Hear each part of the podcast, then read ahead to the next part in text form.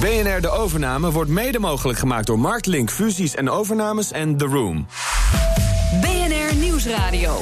BNR De Overname. Paul van Liemt. Een bankier die banketbakker werd. Het is het verhaal van Bob Kaptein. Hij stapte uit de financiële wereld en kocht met zo'n kelder. Dat is een begrip in Den Haag en omstreken. Waar zelfs het Koninklijk Huis het hazelnoot schuimgebak koopt. Welkom bij de overname. Een bedrijfsovername is niet zoiets van hier is een zak met geld en daarmee eh, heb je het bedrijf. Het, uh, dat, het echt spreekwoordelijke kwartje is gevallen. Dat was uh, op een parkeerplaats bij het ADO-stadion. Ik heb een jaar lang elke dag meegewerkt, van ochtends vijf tot s avonds half zeven. Ze hadden natuurlijk ook een beeld van die bankier, maar zij hadden intussen al wel een beeld van een bankier. Plus banketbakker was ik intussen geworden. Bob, hoe kwam je bij dit bedrijf terecht? Want je bent bankier en je komt opeens bij een bedrijf terecht in de banketbranche.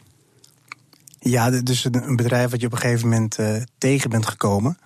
In een hele lange zoektocht. En uh, die zoektocht die is eigenlijk al jaren eerder begonnen. En die is begonnen toen ik de beslissing had genomen bij de bank eruit te gaan. Te stoppen. En toen heb ik een klein bedrijf begonnen. Uh, met een aantal contracten voor de bank. Maar het was wel de financiële wereld. Het was wel de wereld van, um, ja, je kunt het zeggen van het onpersoonlijke, de gelaagdheid in een organisatie, uh, de politieke agenda's. En naar dus dat kleine bedrijf, dat was een IT-bedrijf. Je zat in de bankwereld, je kwam ja. bij een IT-bedrijf, maar het bleef vooral het, cijfers. Het bleef cijfers, de bits en de bytes, het onpersoonlijke. En ik was echt op zoek naar een bedrijf gewoon, ja, waar iets gemaakt werd, hè, met hart en met ziel. En um, ja, dan, dan, ik had het geluk hè, dat ik heel lang kon zoeken naar een bedrijf. Hè, want ik was al ondernemer. Het was niet dat ik heel erg vast in mijn agenda zat. En dan ga je links en rechts met begeleiding van je, van je financieel adviseur. ga je wat kijken en dan beoordeel je wat. Maar mag ik links en rechts? Dat betekent dat je echt overal hebt gekeken? Of wil je ook in een sector waar je iets mee hebt? Nou, in het begin begint het echt links en rechts. Hè, want je, je weet eigenlijk niet. Je wil voor jezelf beginnen. Zoals zoveel mensen eigenlijk met die vraag gewoon rondlopen. Ik wil voor mezelf beginnen. Ja, maar waar begint dat dan?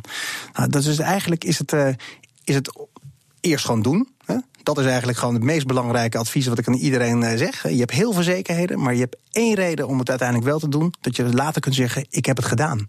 En dan kun je misschien op je bek zijn gegaan, prima. Maar je hebt het wel gedaan. Maar wat voor type bedrijf ja, daar ga, je, daar ga je mee zoeken. En je gaat kijken waar je je thuis voelt en waar je hart van eh, begint. Het is eigenlijk een beetje als een, als een zoeken naar een woning eigenlijk. Hè. Dat is heel overeenkomstig. En waar word je nou echt warm van, van welk bedrijf?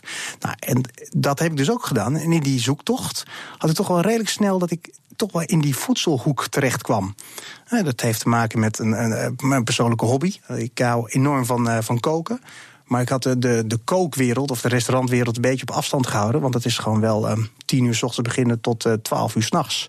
En, um, en ik vond het ook geen eer aan doen aan mijn ervaring. Hè. Ik heb een opleiding gehad, ik heb technisch bedrijfskunde gestudeerd. Wat doe je dan nog achter de, achter de stoof als je alleen maar een potje staat te roeren? En dan ben je wel heel leuk bezig met je hobby, maar je bent niet bezig met waar je daadwerkelijk goed in bent geweest. Dus ik ben op zoek gegaan naar de juiste combinatie tussen en hobby en waar ik daadwerkelijk mijn eigen ja, wat ga ik veranderen in dat bedrijf? En wat is mijn bijdrage in het bedrijf? Uiteindelijk kwam je bij een begrip in Den Haag en omstreken terecht, bij Maison Kelder. Hoe wist je dat daar een mogelijkheid lag tot een overname?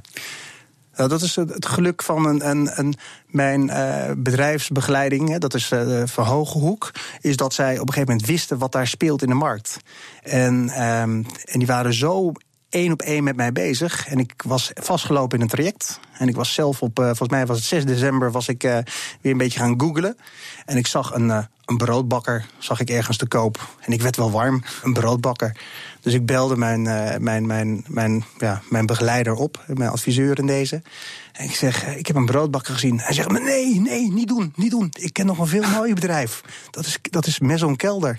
En stond er een aantal jaren in de stille verkoop. Maar en, en waarom in de stille verkoop? Hij wilde niet aan de grote klok hangen. En heel terecht ook, dat wil je ook niet.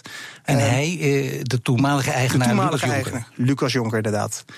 En die, die, want die had een opvolgingsprobleem. En, uh, maar ja, dat wil je niet tegen iedereen vertellen. Want mensen maken zich zorgen op het moment als je zegt van... joh, ik heb een opvolgingsprobleem. Wat gaat er met mijn gebak gebeuren? Ja, en dan komt daar toch een een of andere vreemde bankier om de hoek kijken. Hè, want dat is het stempel wel wat ik heb. En ook Lucas Jonker die vond daar wel iets van. En het was volgens mij 7 december dat ik zei: Ik ben geïnteresseerd. En, maar Lucas zei tegen mij van uh, uh, terugkomen in januari. En dat vond ik heel vreemd. En toen wist ik nog niet wat echt de specialiteit was hè, in die bakkerswereld. Of de karakteristieken. Maar het, is natuurlijk rond kerst zo druk dat hij wilde überhaupt geen discussie over overnames in die periode. Dus ik werd naar januari verwezen. En toen moest ik eerst met zijn financieel adviseur praten. En moest ik overtuigen, echt daadwerkelijk, dat ik gewoon echt goede bedoelingen had. Dat ik niet zo'n bankier was die even zou binnenkomen. Drie keer die boel zou een beetje uh, ja, opwrijven, een beetje mooi maken, cijfers helemaal correct en dan weer doorverkopen. Hè? Waar, wat is nou de reden waarom ik dat bedrijf wilde kopen? Dat is een belangrijke. Moest je dat als eerste reden geven? Als meteen als eerste reden aan hem geven, of wil die ook elkaar een beetje op persoonlijkheid aftasten? Ik moest zelfs een geloofsbrief schrijven. Vier kantjes wat ik met zo'n kelder wilde doen. Ja. Überhaupt voordat ik met hem in gesprek mocht komen. Dus dat was de voorwaarde die hij had gesteld. En wat was in die brief overtuigend? Stond er iets in waardoor hij geraakt werd? Ja, na later bleek is dat het de zinsnede was: ik wil met zo'n kelder de 100 jaar halen. dat, ik wilde het ook, maar daar was hij helemaal door geraakt. En hij zei van: dit is de man die ik moet hebben. Het bestond 75 jaar, dus uh, jij wilde daar sowieso nog een, een, kwart eeuw mee door. En dat stelde hem gerust. Ja. We hebben hem wel gebeld natuurlijk van tevoren. En hij zei: wel, in het begin, in het begin voelt hij toch een beetje een rare kriebus. Dat kan ik me voorstellen. Ja, hoe, hoe komt dat? Ja, ik heb natuurlijk een hele andere achtergrond dan, uh, dan wat hij, geweld, dat hij gewend was. Uh, ik heb, ik heb natuurlijk ik heb een studie gevolgd. Ik heb, uh, ik heb in, in de zakelijke dienstverlening gewerkt. Dan heb je niet een track record van uh, ik, ik ben een goede banketbakker en ik wil eens een keer uh, een andere banketbakker overnemen. Dus hij moest natuurlijk ook wel zoeken. Wat, hè, wat zijn het voor mensen die plots op hier in het bedrijf maar zitten? Maar dan kun je ook langs elkaar heen gaan praten. Hè? Dat de een de ander wil overtuigen. Kijk eens, ik, ik ben wel bankier, maar ik hou heel erg van jouw wereld. En aan de andere kant dat, dat de banketbakker denkt: ja, wacht even, heel leuk allemaal dat jij ervan houdt. Maar ik zoek een financiële man. Liep dat langs elkaar heen? Of ja, dat liep volledig langs elkaar heen. Hè, want ik dacht ja. dat ik dus in het, het er heel goed aan deed om in het verkoopproces te laten zien dat ik dol was op uh, koken en bakket en, en voedsel. En, uh, en hij was juist op zoek naar die financiële man die, een, uh, die voor de troepen kon staan. Dus, dus wij praten volledig langs elkaar heen. En dat, en dat heeft volgens mij wel een maand geduurd. En dat zijn meerdere gesprekken geweest. En toen pas kwamen we erachter van dat wij gewoon echt daadwerkelijk uh, het potje op het dekseltje waren. Hoe kan het dat je dat geduld hebt, dat je die lange adem hebt om daar maandenlang over te. Je wil je niet opeens een knoop doorhakken? Een bedrijfsovername is niet zoiets van hier is een zak met geld en daarmee uh, heb je het bedrijf. Hè. Dat, dat, natuurlijk, zulke situaties zijn er ook. Maar als je een bedrijf overneemt, mag, hè, het wordt je gegund door een oud eigenaar om het over te nemen. Dan gaat het veel meer om vertrouwen. Dan gaat het veel meer om de persoon wie je bent. Wat zijn zijn bedoelingen? Wat zijn zijn intenties? En als je elkaar niet kent, hè, dus dan moet je elkaar aan elkaar gaan snuffelen en kijken van hoe, hoe betrouwbaar is die persoon. En dat duurt tijd. En dat is niet uh, met één avond eten geregeld. Dat gaat natuurlijk uh, over en weer, maar er is een moment waardoor je elkaar beiden vertrouwt en weet we gaan met elkaar in zee. Kun, kun je zeggen wanneer, dat, wanneer het kwartje viel voor jullie beiden? Het, uh, dat, het echt spreekwoordelijke kwartje is gevallen. Dat was uh, op een parkeerplaats bij het ADO-stadion. waar wij na een wedstrijd FC Twente tegen ADO Den Haag... ik omdat ik met Twentse roots heb, hij omdat hij natuurlijk uit Den Haag komt... Twente had wel gewonnen, gelukkig met 2-1. Dus ik was in een goede bui. Maar daar hebben wij in die anderhalf uur in een auto op een parkeerplaats hebben wij echt die rimpels die je in zo'n overnameproces hebt, hebben we gewoon ja, besproken en getracht recht te trekken. Daar werden ze echt glad gestreken, de rimpels. Maar kun je zeggen, wat, wat was echt een hele grote rimpel, waar je, waar je misschien zelfs slapeloze nachten van had? Nou, de grootste rimpel die je eigenlijk hebt, en dat is, dat hele, dus continu dat proces, hoe hoe goed zijn die cijfers? Even heel zwart dit, het gaat niet om de cijfers, maar van alles wat hij zegt, is dat, is dat wel zo? En daar probeer je eigenlijk een, een gevoel bij te krijgen. En, um, en dan heb je een beeld van een organisatie en dan heb je op bepaalde punten bedenkingen. Uh, hoe groot is er ooit met zwart geld gewerkt? Want daar ben ik los van wel verantwoordelijk voor nog vijf jaar. Als hij zegt nee, ik heb het nooit gedaan hè, met mijn blauwe ogen, ja, maar kan ik hem daar wel in vertrouwen? En dan probeer je elkaars uh, vertrouwen te winnen. En dan moet je toch dit soort harde vragen stellen die, die duiden op achterdocht. En, en misschien vertrouw je de ander niet. Ging dat af en toe moeizaam of niet? Ja, dat gaat moeizaam soms. En, want, en, uh, want hij is tegelijkertijd van overtuigd dat hij het wel netjes allemaal heeft gedaan. En dat hij zegt, waarom zou ik me nog garant moeten stellen voor vijf jaar voor een bedrijf? Uh, want ik heb alles netjes gedaan. Dus waarom vertrouwt die, die koper mij niet? Dus, dus daar zit je dan toch verschillend in. En, uh, dus, dus dat is precies waar je elkaar moet gaan zoeken. Van oké, van overname is dus meer dan alleen maar die zak geld. Het is ook de verantwoordelijkheid voor een bedrijf overnemen, inclusief de risico's en de mogelijkheden.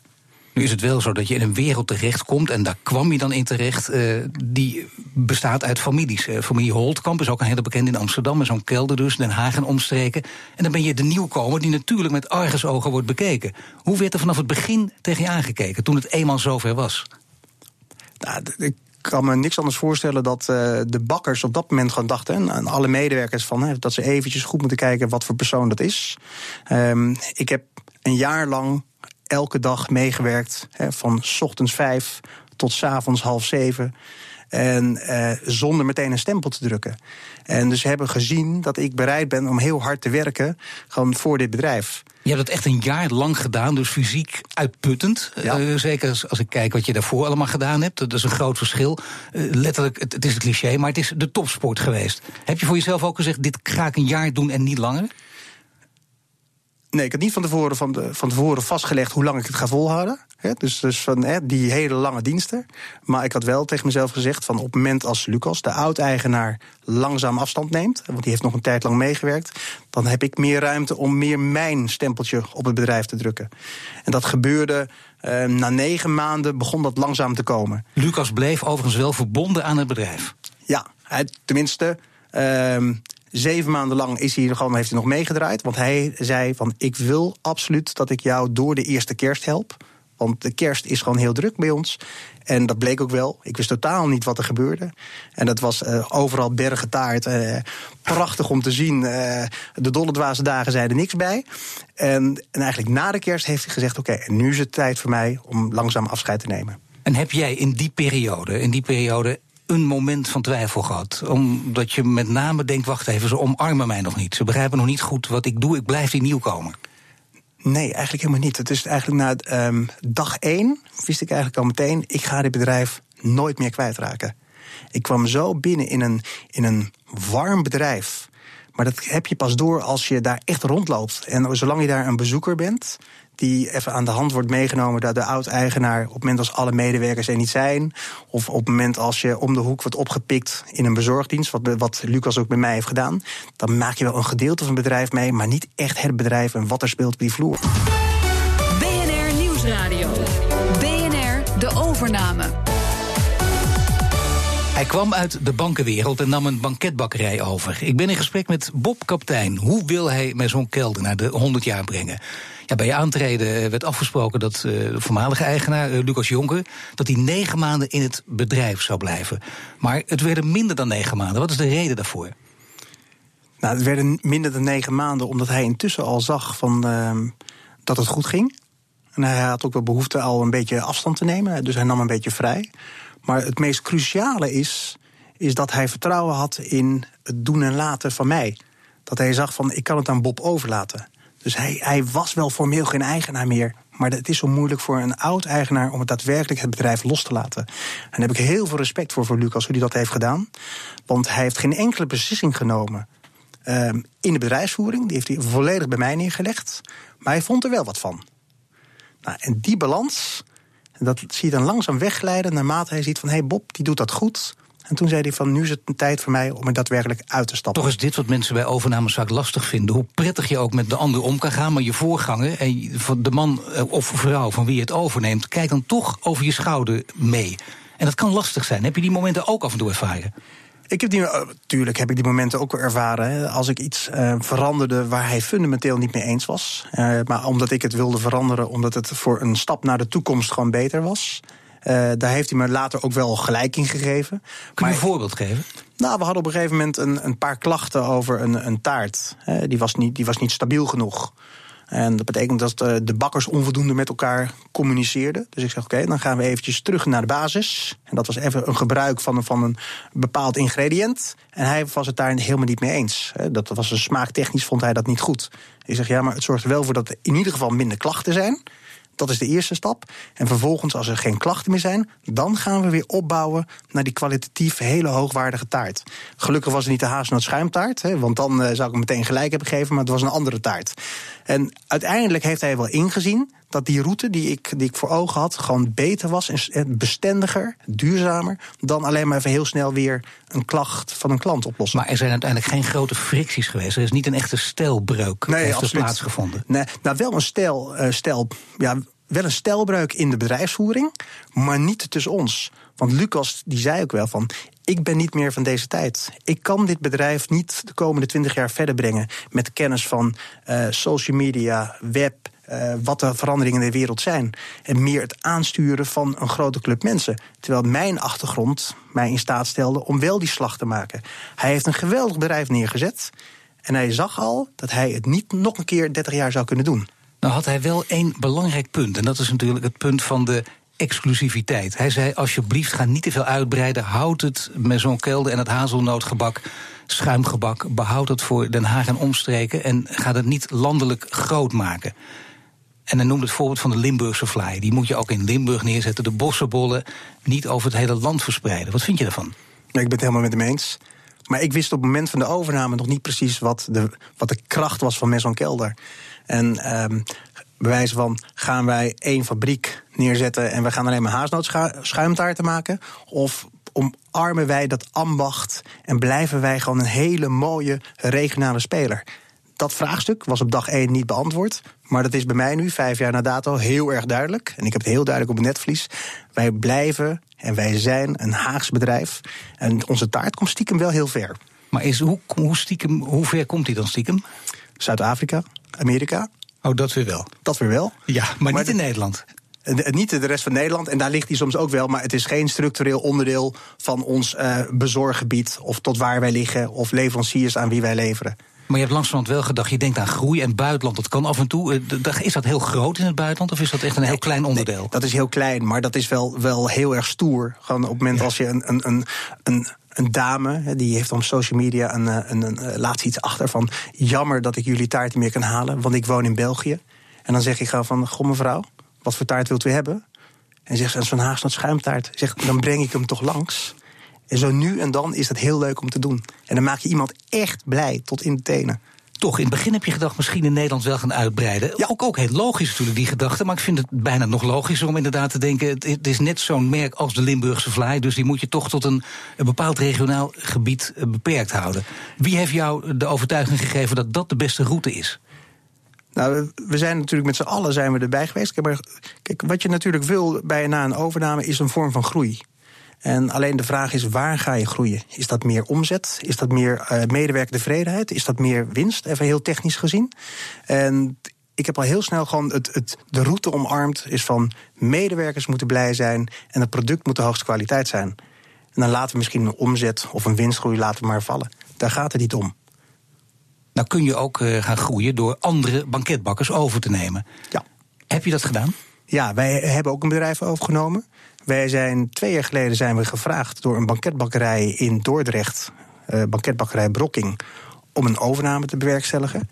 En het grappige van deze overname is, is dat hun tante was het kindermeisje van familie Jonker, die de eigenaren waren van Maison Kelder.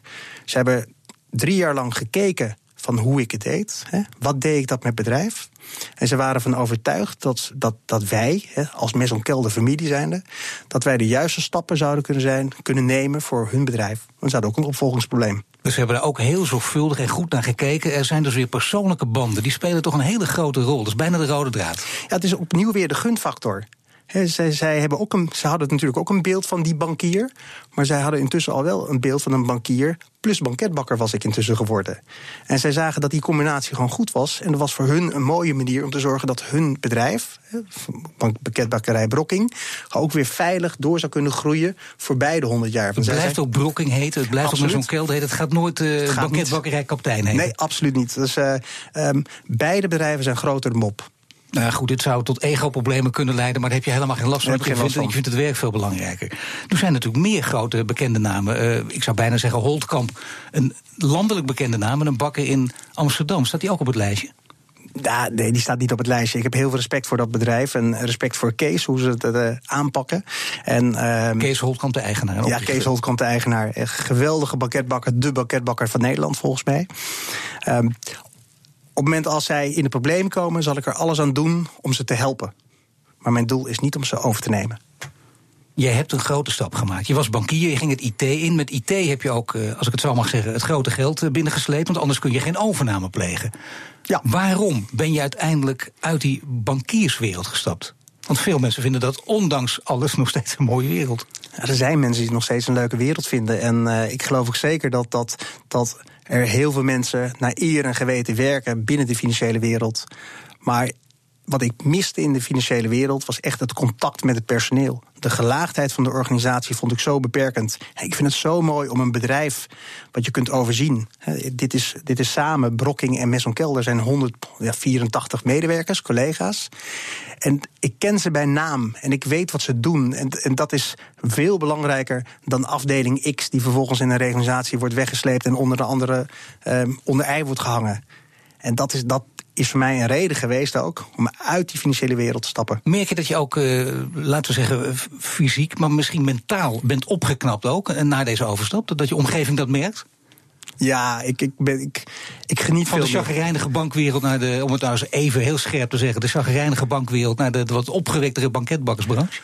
Ja, er zijn een aantal vrienden van mij die gewoon daadwerkelijk gezegd hebben dat ze respect hebben gehad voor deze stap die ik heb genomen. En dat ze ook zien dat ik zo geniet van het bedrijf. En dat ze trots zijn, daadwerkelijk trots, over de stappen die wij met Messon Kelder maken. En dan zijn ze trots om te zeggen: van, ja, dat is Bob.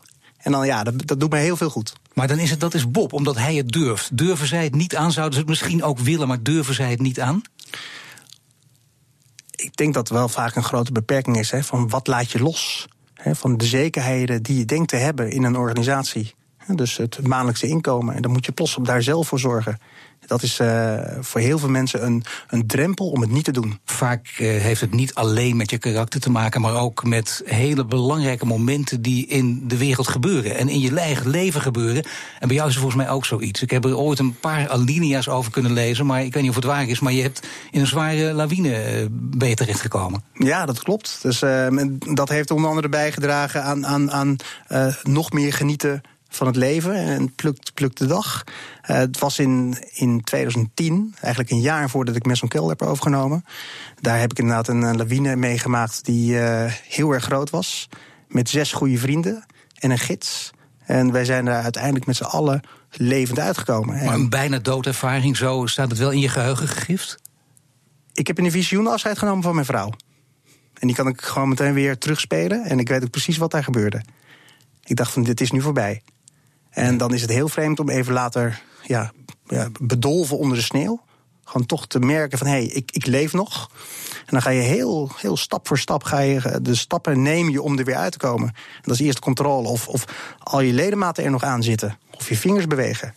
En als je die fase hebt gehad, dan ga je door naar de tweede fase. Ik moet nu uit de sneeuw komen, want ik heb zuurstof nodig. En ik lag gelukkig niet heel erg diep, in een halve meter. Dus ik heb mezelf eruit kunnen bevrijden. Maar naast mij lag een, een, een gids. En die was op dat moment aan het roepen gewoon voor, voor zuurstof. Die was aan het stikken. Maar ik moest eerst aan mezelf denken. Um, dus dat, is, dat heeft best wel veel impact gehad op mijzelf. Als zijnde van, oké, hoe sta ik in het leven? En uh, wat voor keuzes ik maak. En je durfde toch al keuzes te maken. Maar dit is zo bepalend dat je dacht, nou weet je wat, uh, ik ga dit gewoon doen. Ja. Zonder enige rem erop. Klopt. En ik, ja. ik, ben ook vol voor Messon Kelder gegaan. En ik ben zo blij dat ik dat heb gedaan. Maar je hebt een gezin. Uh, je hebt kinderen, je hebt een vrouw. En dit soort beslissingen bespreek je met je vrouw. Hoe reageerde zij? Ze vond het geweldig. Het enige wat ze zich aangaf van... ik vind alles goed, zolang ik maar nooit het huis uit, het huis uit moet. dat is het belangrijkste. Ja, en, dat kon je verzekeren? Uh, dat kon ik verzekeren. Uh, omdat ik ervoor zorgde van, gaan dat we nooit op, op dat niveau aansprakelijk gesteld zouden worden. Want het is nog wel uiteindelijk, en dat is ook een overname, je zet toch wel je centjes op rood. En je moet maar zien of het goed gaat. En je vrouw moest ook, geloof ik, jij moest zelf uh, mee ondertekenen, persoonlijk aansprakelijk. Je vrouw moest ook mee ondertekenen. Ja. Het zijn nogal wat stappen. Voor je het weet, sleur je hele gezin mee in, in een val, wat, wat ook voorkomt. Dat, dat, dat komt ook voor. En, en dat heeft ook te maken met vertrouwen naar elkaar toe. En in welke mate je durft om iets over te nemen en hoeveel zekerheden je overhoudt. Um, dus in dit geval ben ik wel er met, een vol, met ja, twee benen gewoon vol ingestapt. Maar ik had ook nog een heel klein potje over voor het geval het fout zou gaan. Een heel klein potje, dat betekent hoe ver vooruit kun je daarmee kijken? Dat je, dat je jezelf daarmee één jaar zekerheid biedt, twee jaar zekerheid, waar ligt dat? Nou, het was meer de zekerheid dat als de bank eh, bij mij zou aankloppen van uh, je bent failliet gegaan en wij willen nu onze centjes terug uh, hebben, dat we in ieder geval een gedeelte van, van mijn borgstelling aan hen konden betalen. Uiteindelijk gaat dit over zekerheden. En zekerheden wel of niet opgeven. Jij wilde per se. Moest je je vrouw nog enigszins overtuigen? Of heeft ze inderdaad meteen gezegd? Ze heeft meteen- Bob, doe dit gewoon als ik dat huis maar kan houden. Dat was echt genoeg. Bob doen. En wat zegt ze nu? Bob doen. Je geniet ervan. En ze zegt ook van het heeft je heel veel energie gekost. Maar ik heb ook gezien hoeveel energie het heeft opgeleverd. En ze ziet ook gewoon dat ik waanzinnig blij ben bij met zo'n kelder. Ik dank je voor dit gesprek. Maar ik heb nog een belangrijke vraag voor je. Want dit is een serie. En jij trapt af in deze serie de overname. Maar na jou in deze serie komt Boris Veldhuizen van Zanten. Je kent hem. Hij zet er meerdere bedrijven op om ze vervolgens ook weer te verkopen. Eh, welke vraag zou je aan hem willen stellen? Nou, Boris, ik ben eh, na vijf jaar ben ik achtergekomen wat mijn drijfveren zijn. En ik kan er heel erg van genieten als ik een, een compacte organisatie heb met 100 mensen die ik, waar ik iedereen bij naam en toenaam ken. Maar ik ben wel heel benieuwd wat jouw drijfveren zijn. Want ik zie jou een transactie uitvoeren. Je koopt iets, je verpakt het en je verkoopt het weer door. Maar wat zijn nou eigenlijk- echt jouw drijfveren als jij weer een nieuw bedrijf ziet? Dit was de overname. U kunt deze uitzending ook luisteren via bnr.nl/slash overname. Tot volgende week. BNR De Overname wordt mede mogelijk gemaakt door Virtual Volts en Marktlink Fusies en Overnames.